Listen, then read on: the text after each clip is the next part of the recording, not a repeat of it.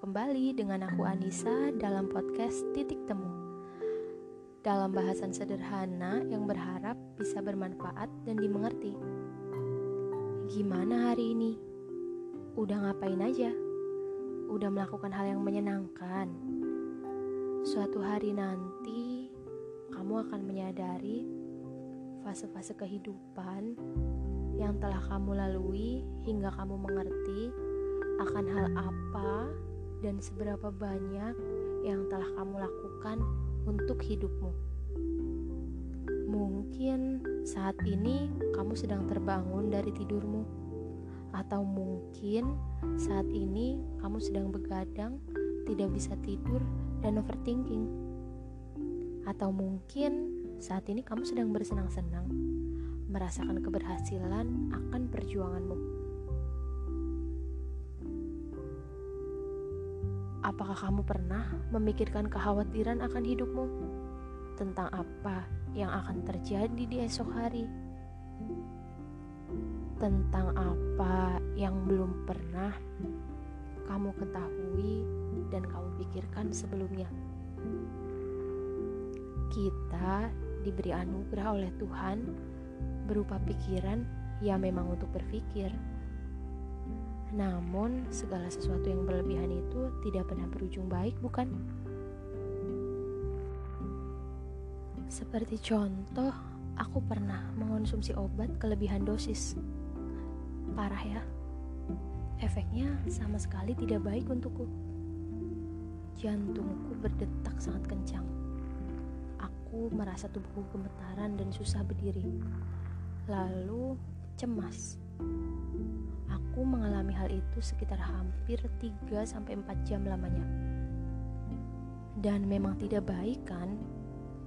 Atau contoh lain, aku pernah membaca berita dari suatu media.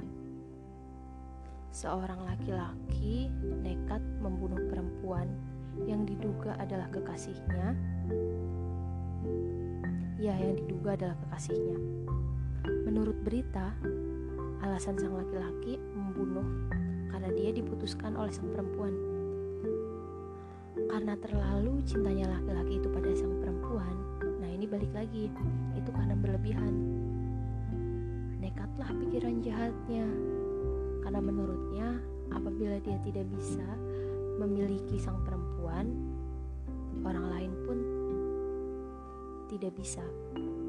Lagi-lagi, tidak baik kan?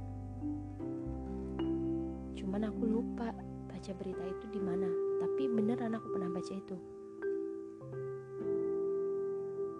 Hey kita balik lagi ke bahasan yang pertama.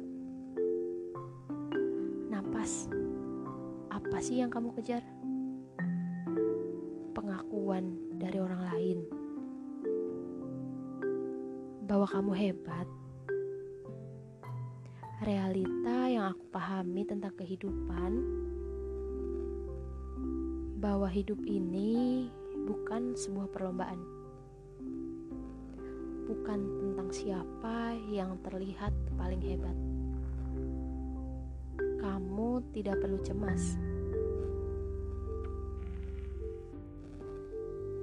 Saat teman kuliahmu di wisuda, sedangkan kamu masih sibuk mengerjakan skripsi, kamu tidak perlu cemas saat temanmu sudah bekerja dengan tetap dan kamu belum. Kamu tidak perlu cemas. Saat temanmu sudah duduk di kursi pelaminan sedangkan kamu masih jomblo.